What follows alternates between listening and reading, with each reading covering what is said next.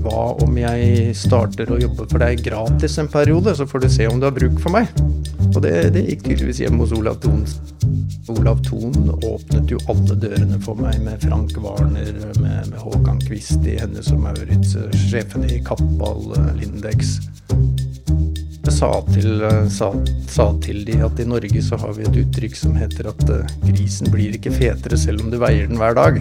Altså, vi, vi syns det ble mye rapportering. Hver gang vi går forbi 7-Eleven, så smetter han rett inn og sitter og logrer foran kassa, og så vet han at da får han uh, Eller jeg kjøper bagett, og jeg ender å spise den tørre bagetten, og så spiser han osten og skinken. Nei, nå begynner det å bli kleint her. Bak fasaden med DJ og Rønne. En podkast fra Estate Media. Velkommen til Bak fasaden med DJ og Rønne. Jeg heter Dag Jørgen Saltnes. Og jeg heter Silje Rønne. Og denne gangen har vi oss med oss eh, sjefen for Høk Eiendom, Eirik Trygg. Velkommen. Tusen takk for det. Hyggelig å være her. Uh, hyggelig å ha deg her. Uh, jeg skulle egentlig spørre om du er litt spent for tida. Uh, og, og det er ikke fordi du er med i podkast. dere har vel akkurat åpna et nytt hotell Ja. i Moss? Betydelig spent og ikke minst stolt av det. Ja. Hotell Riviera. Hotell Riviera, ja. Eh, Er det det man sier i Moss? Ja, vi fleiper litt med det, men eh, Riviera betyr der elv og hav møtes. Så Ja. når vi jobbet med det, så fant vi ut at eh, det er jo akkurat det som skjer her. Eh, og så ville vi jo skape en destinasjon som var litt annerledes enn alt annet. Så i samarbeid med vår utrolig kreative hotelldriver, som er leietager, Tor Morten Halvorsen i NHG, så, så har vi liksom pønsket ut dette konseptet sammen. Mm. Men, det er et eh, spenstig navn, da. Hotell de Riviera. ja, og det er faktisk eh, Vi, vår styreleder, vi var litt spent på Leif Høek, hva han ville mene om dette. Vi syntes vi var litt gale når vi kom med dette konseptet, men det var han som kom med navnet. Og bare sa at eh, rødt, svært skilt på taket, Hotell Riviera, da er jeg med. Ja, men det er, Har det vært noen innkjøringsproblemer? Eh, Alltid litt sånn teknisk, men eh, kommersielt eh, har alt fungert foreløpig. Vi softstartet litt i forrige uke, og så hadde vi en heidundrende åpningsfest på fredag. flaks med været, da. Flaks med været, og det var eh, glade mennesker og gjester og influensere og Stordalen i fri dressur og Tor Morten i fri dressur på talerstolen og flammeslukere og glad musikk så, og, og godt med drikke. Eh, Når vi er ute nå, når denne podkasten er eh, offentliggjort, så har vi faktisk hatt en dag på hotellet, eh, i Estate. Vi arrangerer boligdagene. Så tok egentlig et spenstig valg om å velge et helt nyåpna hotell. Vi var jo betydelig nervøse når vi skjønte dere hadde gjort det. For det, egentlig så hadde vi tenkt å åpne det hotellet litt utpå sommeren. Eh, Ja. Men, men driveren var så ivrig, han ville ha med seg denne tidlige sommeren. Så og det er jo betydelig eh, risiko å invitere hele bransjen på besøk på et hotell som eh, burde vært kjørt inn litt mer. Men eh, jeg håper dere får et godt opphold og at alt fungerer. Jeg tror det. Ja, det tror jeg. Er det sånn at i sommer så kommer vi til å se deg da liggende på en solseng der uh, mesteparten av tiden, eller eh, er det Veiland som fortsatt gjelder? Å ja, du har fått med deg Veiland. Det er nok Veiland som gjelder, ja. Ja. Men jeg har nok tenkt til å ta båten over og kanskje ta med et vennepar og, og teste det. Jeg, jeg, jeg syns det er så fint at jeg har lyst til å vise det fram. Men det blir Veiland hele sommer. ja. Jeg, jeg er jo fra Tønsberg, så jeg kjenner jo litt flere hytteboere Ja, det som, er du, ja. holder, som holder til der, så jeg har, jeg har ikke fått noe sladder utover at jeg vet at du pleier å være der en del om sommeren. Holder en lav profil og holder meg for meg selv og koser meg. Nei, det er, det er en fantastisk sted. Det er liksom vårt, eh, vårt sted om sommeren. Men er det der du slapper av eh, best? Det, det er nok det. Så der er vi også. Kommer hele familien med alle unger, og nå også barnebarn. De kommer og går litt. Og så er jeg og mor der eh, hele sommeren og holder basen. Hva gjør du da, da? Det er mye hagearbeid. Alltid noe vedlikehold med gammelt hus. Jeg dykker. Ja. Jeg har to barn som dykker, så jeg har liksom sånn dykkebu nede ved sjøen med kompressor og fullt utstyr. Hva dykker du? Er det noe spesielt? Ja, for jeg har hørt at det har kommet veldig mye, at det har kommet veldig mye østers eh, på Veiland. Mye østers, men den plukker vi bare fra, fra båten på en måte uten å dykke. Men eh, det blir mest krabbe. Men det er sånn når vi har gjester, så er det bare å hive seg uti og plukke noen krabber. Det er litt stas. Løper du, da? Ja, Er det, er det sånn at det er kona som eh, får på deg joggeskoa, eller? Ja, Jeg må jo gi henne litt av æren eh, for at jeg eh, begynte å løpe, liksom. Jeg var nok litt latere i gamle dager, men ja, det, det blir noen turer hver, hver uke. Og med trappeløp? Jeg har hørt at du løper trappeløp. Ja, ja, nå skjønner jeg. Ja, nei, jeg, det, det hater jeg, men gjør det. Kanskje en gang i uken borte på Holmensenteret. En gang i uka, faktisk. Ja, jeg, hun gjør det, men Ja. eh, det hender jeg finner på et eller annet møte eller noe annet jeg må. Mm. Men uh, den er brutal. 150 trinn. Ren, skjær smerte. Men veldig god trening. Nei, Driver du med trappeløp, eller da, Georgen? Eh, Det blir mest nedover. Nei, det er dårlige, dårlige greier. Men du fremstår jo som en veldig sympatisk uh, fyr. Um, og så tenker jeg, får du litt drahjelp av etternavnet ditt også? For du kan jo ikke hete Trygg og være en, uh, en drittsekk heller. Det, det passer ikke. Og det, det er akkurat som sånn jeg som heter Rønne, kan jo ikke være veldig jålete og fin på det. Ja, sånn, ja. Sånn, ja. ja. Nei, jeg ser den. Eh, ja, navnet, navnet har jeg jo fått. eh, Men jeg tror min far hadde mer drahjelp av det. For han var jo flykaptein i SAS. Ja. Uh, Kaptein Trygg høres jo Ja. veldig bra ut. Han jobbet etterpå med sånn flyskrekkurs, og da var det jo enda mer betryggende å ha en kaptein Trygg. Veldig så sikkert en morsom innledning fra han, da. Den har helt sikkert brukt for det det er verdt. Men hvor er det du egentlig kommer fra? Um, født i Moss, vokste opp på Rygge. Han var stasjonert der nede på, på den fly, flyplassen der. Fløy jagerfly. Uh, men jeg sier jeg vokste opp på Hurum, Seter i Hurum. Mm. En uh, trygg og fin oppvekst uh, på 70- og 80-tallet. Med um, far som var flyver, da, og mor som var sykepleier. uh, en to år yngre bror. Um, hobbyer der uh, var uh, seiling. Det var liksom det jeg holdt på med. Var på sjøen hele sommeren. Men hva vil du, hva vil du si har liksom gjort deg til den du er i dag? Det er store spørsmål, men Ja, jeg vet ikke. Jeg har, jeg har vel alltid liksom visst at jeg Eller jeg vet ikke hva jeg visste. Jeg, jeg, jeg, var, jeg var bevisst på at jeg ville ta en høyere utdannelse etter hvert. Um, og, um, og sånn sett uh, havna jeg jo liksom i USA og tok en, uh, tok en utdannelse der. hva studerte du der? Eh, økonomi og tok en MBA på toppen.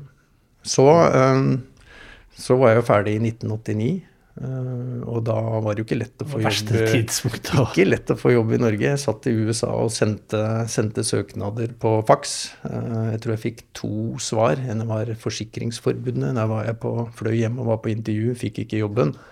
Men så ringer Hallgrim Thon, eh, og han gikk eh, på samme skole 20 år før meg. Så han var veldig spent på å få meg på et intervju på, som eiendomssjef. Eh, Og han eh, ville ha siste nytt da fra Ville Vesten. Så da fløy jeg hjem på fribillettene som far min skaffet meg, og hadde intervju med Hallgrim og Olav, og Truls Holte var vel også der. Hvordan var det? Eh, Jeg får fortsatt sånn klump i magen når jeg kjører forbi Vika Atrium hvor jeg hadde intervjuet. Jeg var kjempenervøs. Men jeg må si Olav var jo, og, og Hallgrim og de var veldig flinke til å få meg til å føle meg komfortable.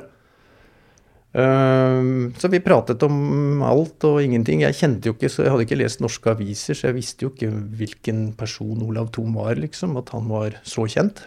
Men han, eh, vi hadde en kjempegod prat om jakt og fiske og turer. Eh, og sikkert litt faglig òg. Men så sier han til slutt eh, at Trygg, du er for ung, du kan ikke få jobb her. Du må komme tilbake når du har litt mer fartstid. Men hva gjorde du da? Nei, da sa jeg til Olav, og da hadde jeg jo prøvd mange steder og ikke fått napp, så da sa jeg til Olav at eh, hva om jeg starter å jobbe for deg gratis en periode, så får du se om du har bruk for meg. Og det, det gikk tydeligvis hjem hos Olav Thon, så Hvor lang var den perioden da? Eh, Nei, eh, så da, da ringte han hjem på kvelden og sa at om jeg kunne begynne som trainee eiendomssjefsassistent og jobbe gratis for å se om vi hadde bruk for hverandre. Og det, det varte i Jeg tror etter tre-fire uker så skjønte jeg også at jeg måtte ha noe penger til buss og til eh, kantina. Eh, Så da fikk jeg 5000 kroner måneden. Og så var jeg med, og veldig heldig. Jeg var med Olav selv, og han kjøpte noen bygårder på Skippergata og i Karl Meyers gate, Bernt Ankers gate. Han eier vel dem fortsatt? alle Helt sammen. sikkert. helt sikkert. Og, og så fikk jeg vel til en del ting, da, så da fikk jeg fast jobb etter jeg vet ikke, fire-fem måneder. Når yrkesstolthet er standard, blir høy trivselsfaktor på arbeidsplassen en selvfølge. I Bundegruppen vet vi at det er du og jeg som kan utgjøre forskjellen. Derfor er vi så opptatt av verdigrunnlaget vårt folk. Folkeskikk, orden, lagånd og kundefokus. Folk skaper verdier, og verdier skaper folk. Finn ut mer på bundegruppen.no. Men hvordan var det da, å bli med han? For jeg bare tenker, hvordan gikk den handelen til? Var det hvordan, man, eller handlet man på den tiden der? Det var vel han som gjorde handlene, men, det, Ja. men det var nok litt sånn eh, at han han, hadde jo, han var jo størst på eiendom på den tiden, desidert. Og hvis noen ville selge en bygård, så ringte de nok han først. Så da gjorde han vel en deal, da. Og så kjøpte han ut eh, pianoet, liksom, og kjøpte ut litt møbler. og så ble det min jobb, og jeg fikk beskjed om han hadde kjøpt et piano nede i Skippergata som han lurte på om jeg kunne ta med til, til, eh, til tre brødre.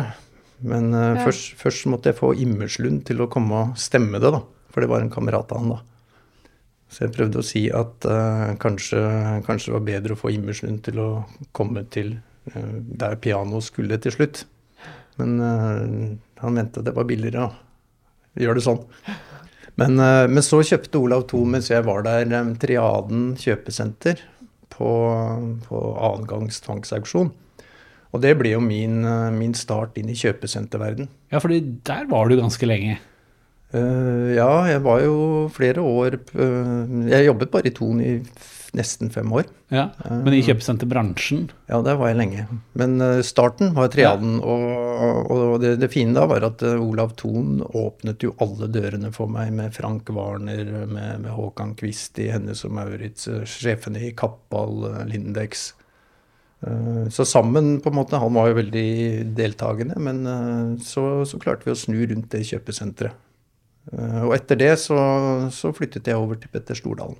Men jeg er veldig takknemlig for den starten jeg fikk som, som følge av den tilliten Olav Thon ga meg. Mm. Hvordan er det altså, Hvor lenge jobba du for Stordalen? For du var jo etter hvert også i sektor, men jeg tipper det var kanskje var det, Hvilket var det første selskapet med Stordalen? Var Eh, Sten og Strøm Invest het vi på den tiden. Og da var det to kollegaer som hadde gått fra Olav Thon til Sten og Strøm Invest før meg. Og så ble det et intervju med Petter, og så startet jeg der. Og det var en helt annen verden. Ja, men, Hvordan var det overgangen der? Er en stor overgang på mange måter, der Olav Thon også hadde en kjempegod firmakultur og god systematikk og sånn, så var det jo litt mer nøkternhet rundt firmafester og middager og slikt. Eh, hos Stordalen så var det, var det Alle ble Eller vi var, ble fort direktørtittel, og det ble representasjon var liksom eh, forventet at vi var med på. og samlinger og motivasjonstaler fra Petter som eh, Han var minst like motiverende da. Eh, og mye ansvar. Og det er det samme med, med Olav Thon. Altså, han, tok jo en ung fyr og på en måte ga meg ganske mye ansvar. Mye mer enn det jeg hadde forutsetninger til å klare. Men det er klart, eh, da, da har man lyst til å levere også. Og det var jo sammen med Petter. Eh, Jeg hadde jo totalansvaret for Vinterbro senter eh, relativt ung, og det var liksom et byggeprosjekt til 380 millioner og eh, 87 leietaker, og vi fikk det jo til. Men hvordan var det da å møte Petter igjen da i det Sommero-prosjektet? Ja, vi har nok holdt kontakten i mange år. fordi Ja. Etter Sten og Strøm, eh, hvor jeg en fantastisk periode sammen med Petter og mange andre flinke kollegaer som jeg har kontakt med fortsatt, så, så fikk jo Stordalen Han ble uenig om strategi med Stein Erik Hagen, som han sier det. Ja. Um, og da ble Petter borte, og så ble det et nytt lederskap i Sten og Strøm, og da var vi fem stykker som fant ut at uh, nei, da prøver vi lykken på egen hånd med det vi kan. Så det var det som blei sektor? Det ble sektor. Og der kjøpte jo han seg inn, Petter? Ja, ett år holdt vi på alene som konsulenter for andre, og jeg holdt på med et flott kjøpesenter borte i Ålesund for Gunnar Haagensen, og vi fikk det til. Vi tjente penger første året òg, men vi ville noe mer. Og, og så hadde vi med Petter på et møte, og han mente at hvis han kunne få si 36% av aksjene våre, så skulle han hjelpe oss på en måte å få enda mer eh, fart i selskapet. Og det, den dealen gjorde vi, og så hjalp han oss å få Norgesgruppen inn. Så vi kjøpte en stor eh, portefølje kjøpesenter av Norgesgruppen med oppgjør i de aksjene. Eller ytterligere 34% i Norgesgruppen. Da. Og da var vi plutselig en aktør som hadde egne eiendommer og, og var en gårdeier igjen. Så det var en fantastisk eh, periode. Eh, deretter så kjøpte vi vel Trekanten senter, og så kom Møller på eiersiden. Eh, og så gjorde vel Møller noen eh, interne kaldfaltringer, så de ble til Skage. Eh, så da hadde vi Skage som eiere i mange år. Fantastisk periode med Knut Skage som styreleder. Så solgte Skage oss til, til Niam, svenske P-fondet, med Kjell Sagstad som sjef. Det var også en fantastisk reise. Da lærte jeg meg å regne. Ja, disse P-fonda de er faktisk ganske gode på å regne, de. Ja da, de er det. Og, men vi, vi, lærte mye av det. Vi var nok litt utstrukturerte. Tok det litt på magefølelse før det. Så sektor ble bedre av å ha de som eiere. Men jeg tror jeg sa til, sa, sa til de at i Norge så har vi et uttrykk som heter at uh, grisen blir ikke fetere selv om du veier den hver dag. Altså, vi, vi syns det ble mye rapportering. Ja. Men, men, så gjorde Niam uh, veldig god butikk på oss også, veldig fort. Uh, og da kom faktisk Stordalen og Norgesgruppen og Warner på eiersiden igjen. Så det var en, også en fin reise, helt til vi da ble solgt til Citycon. Men den perioden jeg har beskrevet nå, er 18 år hvor jeg var i Ja. sektor. Ikke sant? Ja, for det her er nesten som en historietime i eiendomsbransjen for min del, så det er kjempeinteressant. Jeg hadde helt glemt Niam, faktisk. Jeg har jo skrevet om en del av disse transaksjonene og hvordan dere har gjort. Men du må jo ha Du prater om lederstilen. Er det holdt på å si, noe du har forsøkt å dra videre? Det å slippe folk fri, holdt jeg på å si? Ja, jeg syns jo Olav Thon hadde jo den egenskapen at han ga unge folk muligheter og ansvar egentlig større enn det de hadde forutsetninger for. Den har jeg tatt med meg videre. Samme med Petter, men øh, Eller og. Han, han hadde jo det der begeistrings- og motivasjonselementet i tillegg. Øh, Tørre å gjøre noe, sette seg mål og bare gjøre det. Um, så litt av begge deler, uten at jeg prøver å kopiere noen av de. Så jeg, jeg tror jeg prøver å være meg sjæl. Har du et parkeringsanlegg som kunne funket bedre? Ta kontakt med OnePark. Vi leverer enkel og effektiv parkering, og du får fornøyde bilister og en mer lønnsom drift. Sjekk ut onepark.no. Vi gjør dine parkeringsplasser mer lønnsomme. Men ledergruppa deres, der er det mye av de samme menneskene Uh, som ja, som har sittet i Høg, da.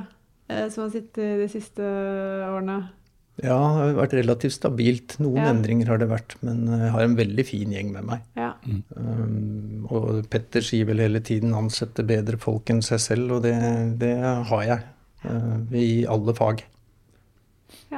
Så jeg får min heder og ære uansett. Hvis vi lykkes, uh, så, så passer jeg på at det er de som på en måte fronter prosjektene og, og, og er sjefer på sine områder. Ja. Fordi altså, da har jo du i realiteten vært nesten 25 år i kjøpesenterbransjen, før du da eh, takker ja til jobb i Høk eiendom. Ja. Eh, hva var det som gjorde at du ville hoppe på den muligheten? Nei, jeg det, det var, Først så var jeg, ble jeg jo kjøpt opp av Citycon. Min jobb ble da å være i ledergruppen eh, som Og egentlig arbeidssted i Helsinki. Så det, det, det skurra litt for meg. Samtidig så, så ville jeg ikke være den første som forlot skuta. Eh, og jeg trodde kanskje jeg kunne endre en del av de endringene de kom med, men eh, så banket Leif Høek på døra samtidig.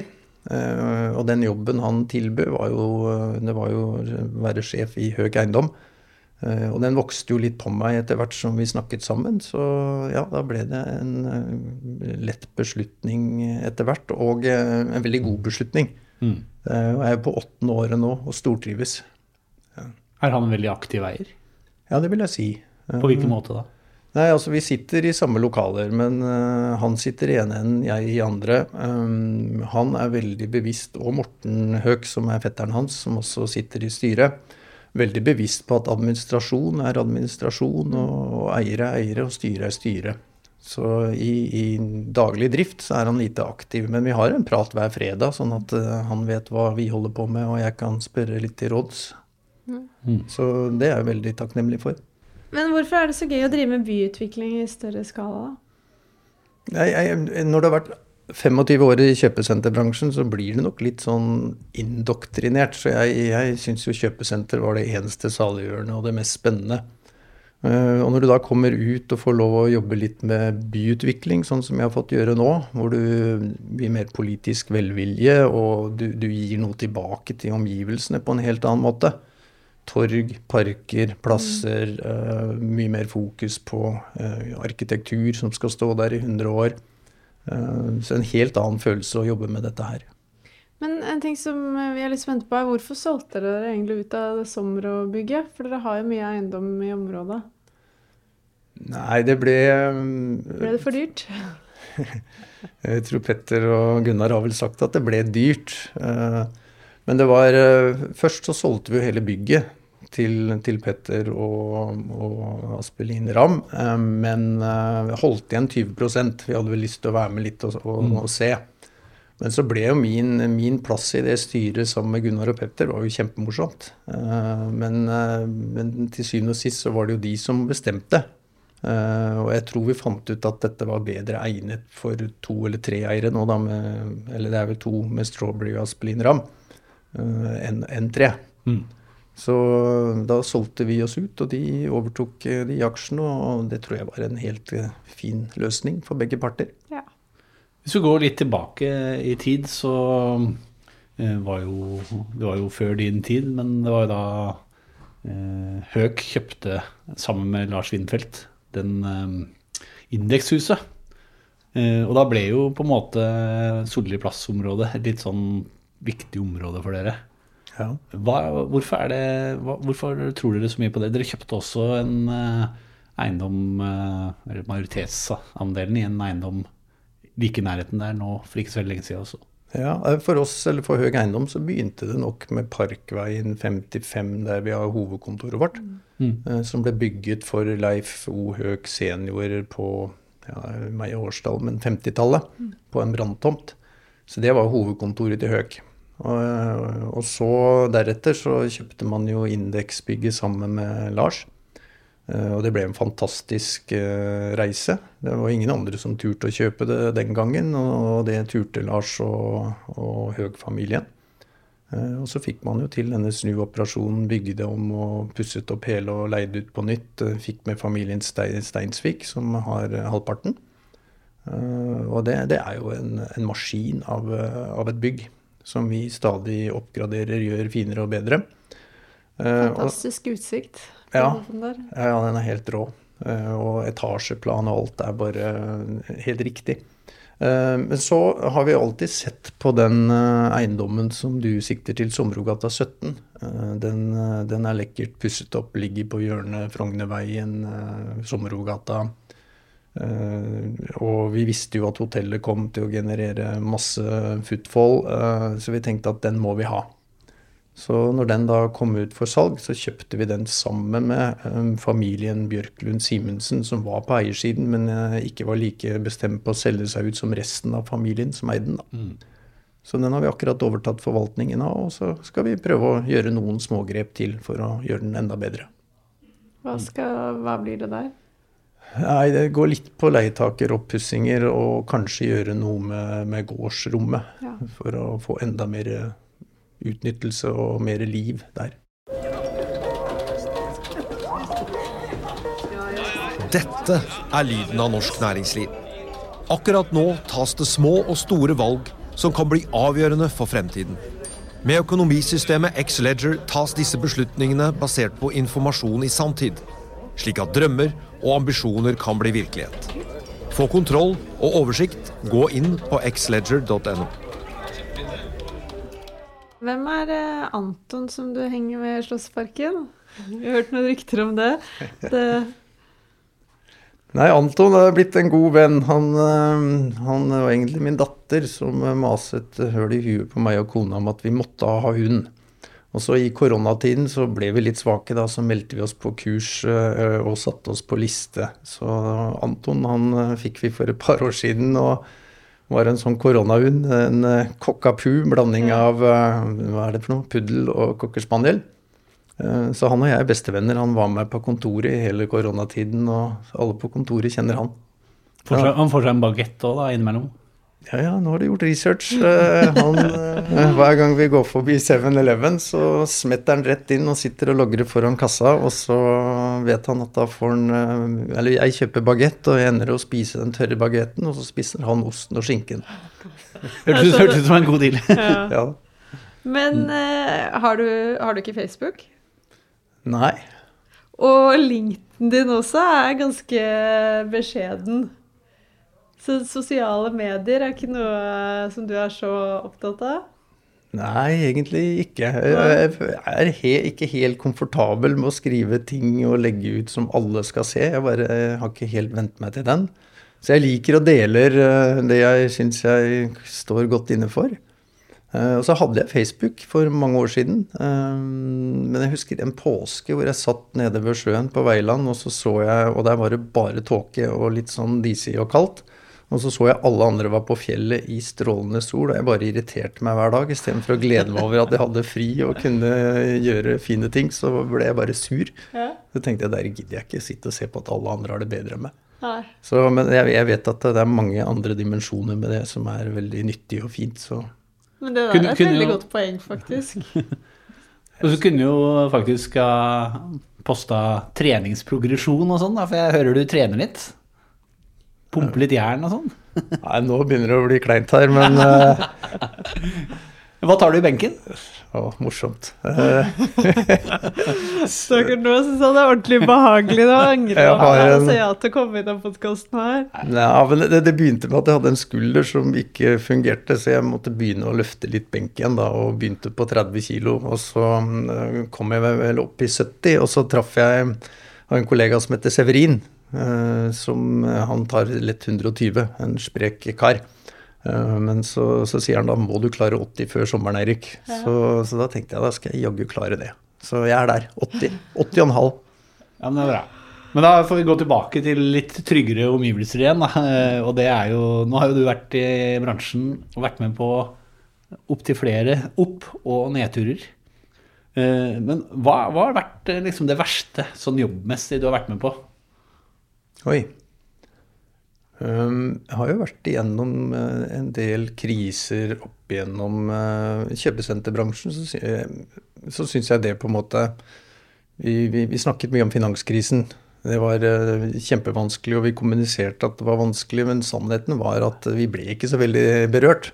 Nei. Eh, Så når vi kom litt ut i det, så fant vi ut at vi avlyste den krisen og, og gikk videre. Eh, De eierskifter og endringer på en måte i sektor var jo alltid litt krevende, men jeg syns ikke det var, eh, var ille. Jeg tenker at det, det tok jeg som en utfordring og fant ut at nå har vi nye eiere igjen, folkens. Nå, nå er det Citycon vi skal bli glad i og lære oss å kjenne. Så jeg kommer ikke på noe sånn kjempevanskelig. Hva er det beste, da? Nei, det beste må jo være å åpne et nytt bygg eh, som Hotell Riviera, på en måte. Det er jo de stundene der du lever for. Hvordan følelse gir det? For da kan jeg liksom ikke Jeg kan liksom ikke se for meg ja, hvordan det vil være i det hele tatt. Ja, sånne byggeprosjekter er jo lange, og det er jo, byggetiden er to år, og før det så har du kanskje planlagt til fire, så til slutt så blir du nesten litt sånn at det blir jo aldri ferdig.